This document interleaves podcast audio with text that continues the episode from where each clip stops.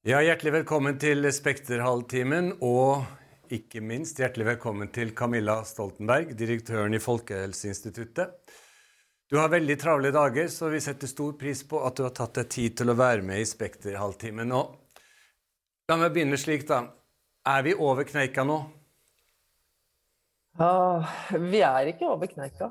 Fordi eh, vi ser i disse dager en raskt økende smittespredning. Og eh, vi har visst en god stund at vi er truet av eh, nye virusvarianter, spesielt det vi kaller den engelske virusvarianten. Kanskje ikke en helt rimelig betegnelse, men likevel eh, det er det den er kjent som. Og eh, den spiller nok en rolle i den økningen vi ser nå. Den økningen vi ser er foreløpig aller sterkest i Oslo og deler av Viken. Men vi ser også at det dukker opp utbrudd andre steder i landet, og at det er en økning andre steder også.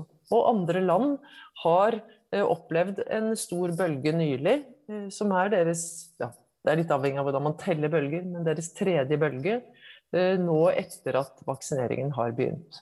Men det er på ett vis slik at vi er i hvert fall hva skal jeg si, over halvveis. Fordi vi vet nå ganske sikkert at vi får mye vaksiner framover, at det vil hjelpe. Jeg vil spørre deg mer om vaksiner, men bare aller først. Dette, dette, at det fortsetter å spre seg til tross for alle tiltakene som nå er truffet, med reisebegrensninger osv. Eh, kom vi for seint i gang, eller hva skyldes det at det fortsatt dukker opp igjen?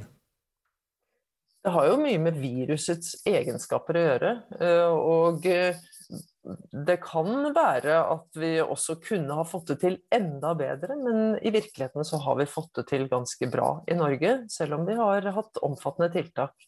Så eh, kan vi sammenligne oss med andre europeiske land, eh, og land som ikke så enkelt kan stenge grensene sine, og da ser det ikke så verst ut. Verken, eh, eller spesielt ikke når det gjelder hvor mange som har vært smittet, syke og er døde men heller ikke når det gjelder tiltak. Fordi mange av de landene som har ventet lenger med tiltak, de har faktisk måttet ha enda strengere tiltak. Så vi kom tidlig i gang. Det kan hende det hadde vært mulig å komme enda tidligere i gang, men eh, det må være et forhold mellom det å ta i bruk så sterke tiltak og det å eh, bekjempe virusene. Eh, la oss gå ett år tilbake. Det har altså vart et helt år nå. Var du og Folkehelseinstituttet og myndighetene forberedt på en slik pandemi?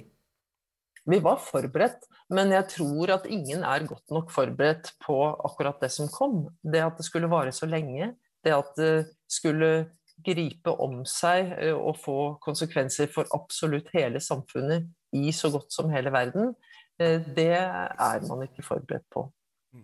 Hva har vært den største enkeltutfordringen dette året? Hva har vært vanskeligst? Og det er veldig vanskelig å rangere. Det er eh, samtidig slik at for Folkehelseinstituttet så er det klart at det å drive vaksinasjonskampanjen når man har så begrenset tilgang til vaksiner, er en kolossal utfordring. Men i et litt større perspektiv så er det den første fasen da vi visste så lite, og eh, var så redde uten å ha virkemidler nok. Mm. Hvordan vil du beskrive samarbeidet mellom dere, direktoratet og departementet? Som veldig godt. Eh, det har først og fremst vært et samarbeid som har fungert utrolig bra. Eh, og eh, der vi ikke bare i de, det, si, det triangelet, men også i forhold til hele regjeringen har fått til åpne diskusjoner om viktige temaer og samtidig raske beslutninger. Det er det jo i stor grad regjeringen som har stått for, men eh, der vi ofte har vært initiativtagere og pådrivere, og det har gått litt på omgang mellom Helsedirektoratet og oss. Men mange ganger så er det vi som er de første som får informasjonen, fordi det er vi som vanligvis er beredskapsorganisasjonen, og derfor er det ofte vi som også er initiativtagere til å iverksette tiltak, men også til å løse opp i dem. Mm. Så eh, når vi har hatt en anelse av, og ikke bare en anelse av, men fått bekreftet at du har foreslått noe annet enn statsråden har godkjent, så er det slik det skal være? Ja, det mener jeg ville være veldig rart om det ikke var slik. Det ville jo for det første være tegn på at vi ikke hadde diskusjoner, og for det andre i verste fall tegn på at vi skjulte dem, og at offentligheten ikke fikk delta i dem. Jeg vil nok heller si at det kanskje har vært behov for enda mer diskusjon, ikke konflikt. Det tror jeg ikke man trenger i en sånn situasjon, det er en trussel. Men, eh, men faktiske åpne diskusjoner der det er eh, legitimt å ta opp de vanskelige spørsmålene hele veien. Mm. Før jeg spør deg litt om vaksine, så vet jeg ikke om du vil kommentere, men ser du tendenser til at hele håndteringen av koronakrisen nå politiseres? Altså, det, det, spørsmålet om det politiseres, det, det, vil jeg dele opp i to. fordi det er ingenting galt ved at koronakrisen politiseres. Det er klart det er en politisk krise når noe rammer et helt samfunn og hele verden på den måten. Det ville være fullstendig feil om den ikke ble politisert. Mm. Og jeg har tvert imot tenkt at det som skjedde i Norge 12.3, det var preget av at regjeringen valgte å gå inn og ta ledelsen. Det mener jeg var helt riktig, og det har vært en stor eh, styrke ved den norske responsen hele veien. Mm. Så det er det viktigste svaret på det spørsmålet. Eh, det er riktig at det skal politiseres. Og så Eh, kommer det jo eh, et spørsmål om hvordan det politiseres til enhver tid. Ja. Og eh, mange velger å bruke politisering utelukkende som et skjellsord. Det gjør ikke jeg. Jeg vil si at det vanligvis ikke er et skjellsord, men det kan også være det. Og det å skal jeg si, komme inn i et politisk spill der det ikke er det å løse oppgaven som er bærebjelken, men det er det å vinne over de andre. Da er det skummelt. Og det er en politisering som jeg vil advare mot. Men det gjelder generelt, og det er ikke det som har vært det dominerende. Nei, selv om vi har sett litt av det kanskje i det siste. Men over til vaksine. Eh, var det en vanskelig beslutning du tok når det gjaldt å endre litt på innretningen av vaksineutdelingen? Ja, det var en veldig vanskelig beslutning. Men eh, det var ikke så vanskelig beslutning å, å si at vi må gå gjennom hele eh, vaksinestrategien. Og dette er bare én brikke i det. Mm. Og når den er vanskelig, så er det egentlig fordi at den viktigste løsningen når det gjelder vaksinasjon, det er å få mer vaksine ut så fort som mulig. Og det har vi begrenset kontroll med. Men da gjelder det å hele tiden bruke de vaksinedosene man har på den rette måten. Så det å gjøre en liten endring som det vi foreslo i, som, som vi foreslo i forrige uke, og som da ble offentlig kjent i går, og som skal følges opp, det er, det, er en, det er, en, forholdsvis begrenset uh, si, del av den endringen som vi nå har foran oss. Uh, så, sånn sett var det ikke vanskelig. Men, men, det som er vanskelig, er å vite om det virker. Uh, mm. Og om vi gjør nok, eller om vi gjør for lite. Og om vi får dette til å henge sammen med de endringene som vi nå skal, skal si, foreslå i løpet av et par uker. Var det en i lys av en ønske om en kraftig smittereduksjon denne beslutningen ble tatt, eller var det fordi at enkelte, kanskje veldig markante politikere i Oslo bidro til det? Nei, jeg vil si at det var ikke det siste. Fordi eh, det er, eh, det er slik at eh, heldigvis så hører Folkehelseinstituttet, Helsedirektoratet og ikke minst de politiske myndighetene departementet fra alle parter i denne saken. Så jeg har ikke opplevd at det har vært mer press fra Oslo enn det har vært fra resten av landet når det gjelder dette. Dette er veldig mange uh, ulike grupper meninger om. Uh, så der har presset gått i alle retninger. Uh, og, og det er ikke alle beslutninger her ville vært vanskelige. Det er det som er problemet. For det er reelle, reelle dilemmaer knyttet til å ikke endre fordelingen, til å endre den litt, til å endre den mye. Eh, og eh, ingen av løsningene er ideelle i forhold til det vi ønsker å oppnå, nemlig å få vaksinert flest mulig raskest mulig, og å ta ned tiltakene. Du sier raskest mulig. Hvis jeg da sier til deg jeg syns det går ualminnelig tregt, det går helt alminnelig tregt. Det går akkurat så tregt som det går å få tak i de vaksinene. Så da blir jo hovedspørsmålet var det rett strategi av Norge. Og det var det ikke vi som valgte, eh, å gå sammen med EU. Personlig tror jeg det. Eh, nå har ikke vi blitt spurt om det. Det var jo en politisk beslutning.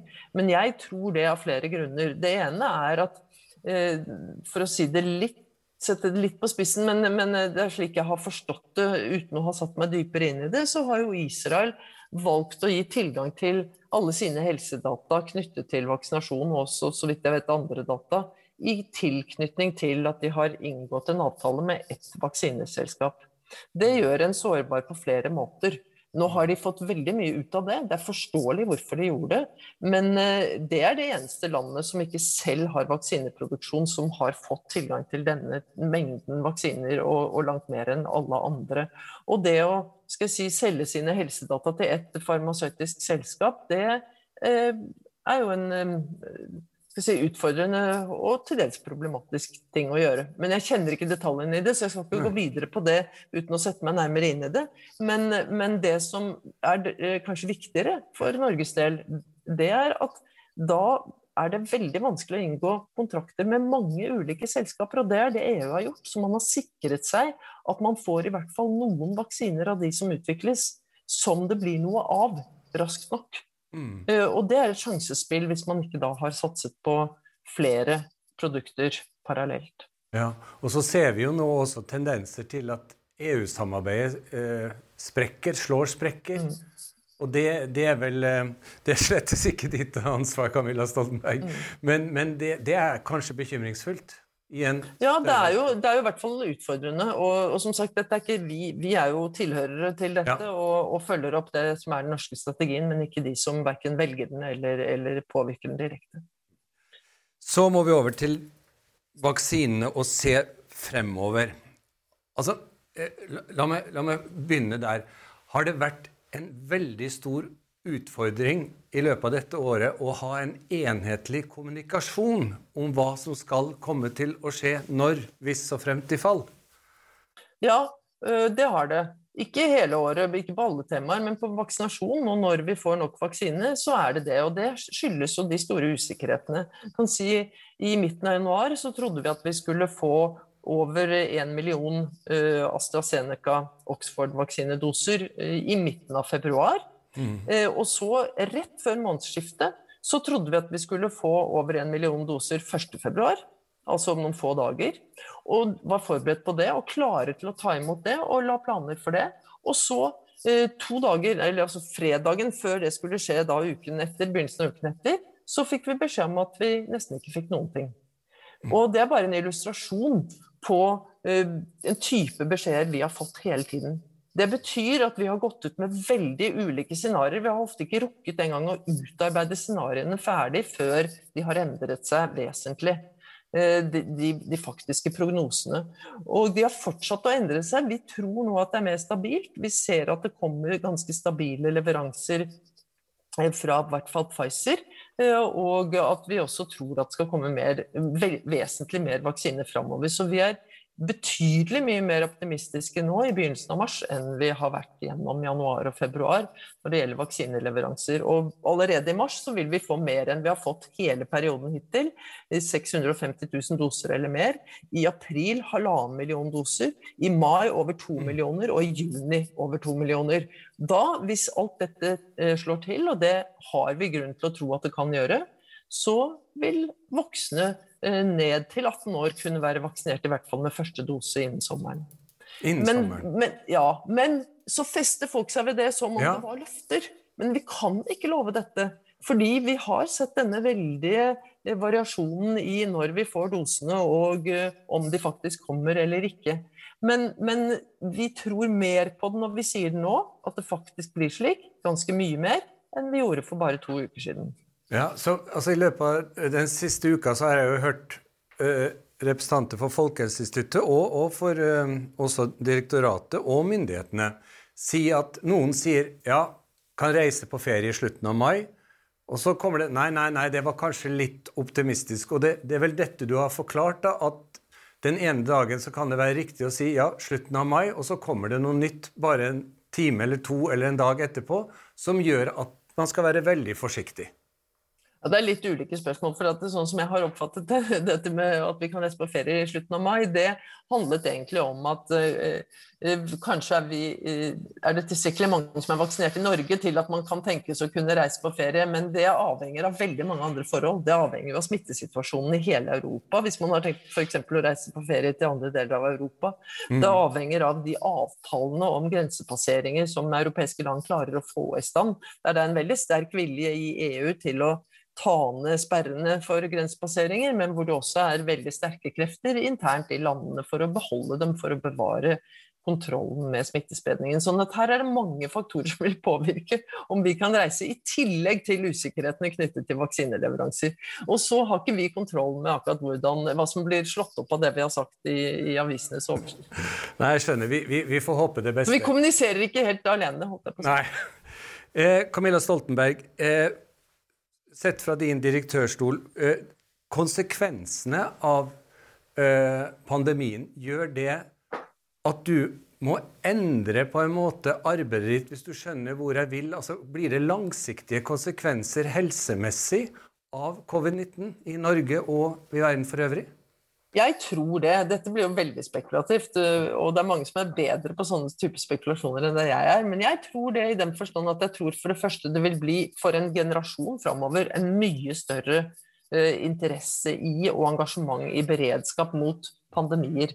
Jeg tror også det derfor kanskje vil bli større engasjement i hvordan får vi til å lage forebygging, systemer som gjør at vi kan håndtere dem raskt og effektivt når de dukker opp, og forhindre at de kommer, og få til internasjonalt samarbeid om dette. Mm. Så jeg er egentlig forholdsvis optimistisk når det gjelder mulighetene til mye bedre å drive det systemet som skal til for å håndtere dette på en mye mye mer ambisiøs måte enn hittil, for vi ser at hele samfunnet og hele verden er avhengig av det. Så på den måten vil det påvirke oss. Og så tror jeg det vil påvirke oss i den forstand at vi skal leve med dette viruset, og vil få en forståelse for at vi lever faktisk med smittsomme sykdommer, og at noe av det er ganske enkelt å kontrollere. Altså for så skal vi ikke slutte å bry oss om håndhygiene, eller kanskje holde oss hjemme og ha hjemmekontor hvis vi har influensa eller er veldig forkjølet. For da sparer vi en hel masse andre mennesker, eh, også folk vi ikke kjenner i tredje og fjerde ledd, for å bli syke. Eh, og kan skal si, eh, heve nivået for helse i landet som helhet. Vi har også sett hvordan infeksjonssykdommer sannsynligvis påvirker det å utløse hjerte-karsykdom. Vi har jo sett et fall i dødeligheten av hjerte-karsykdom i 2020 i Norge. Mm. Så ja, jeg tror det kommer til å påvirke oss. Og så tror jeg det kommer til å uh, få oss til å skjønne sammenhenger i større grad mellom eh, hva som skjer i samfunnet, pandemier, tiltak og f.eks. psykisk helse. Sammenhengen mellom den psykiske og den fysiske helsen. Ja, fordi Det er vel noe som har fått større og større oppmerksomhet nå, den psykiske siden av pandemien pga. det livet vi har levd eller vært nødt til å leve. Og, og der har vi vel ikke altså Det er jo altfor tidlig å trekke konklusjonene der, er det ikke det? Ja, jeg tror det, at det er for tidlig. Vi er jo nødt til å trekke en del konklusjoner underveis. Fordi vi må prøve å i hvert fall sørge for at de som rammes hardest, eh, får, eh, får det lettere. Eh, også mens det står på. Men den viktigste måten å, å, gjøre noe med dette på, det er jo å sørge for at det er jobb til alle når dette er over, og at, er, at, de, at vi ser på hvor sosialt skjevt pandemien har rammet, og gjør noe med det. Mm.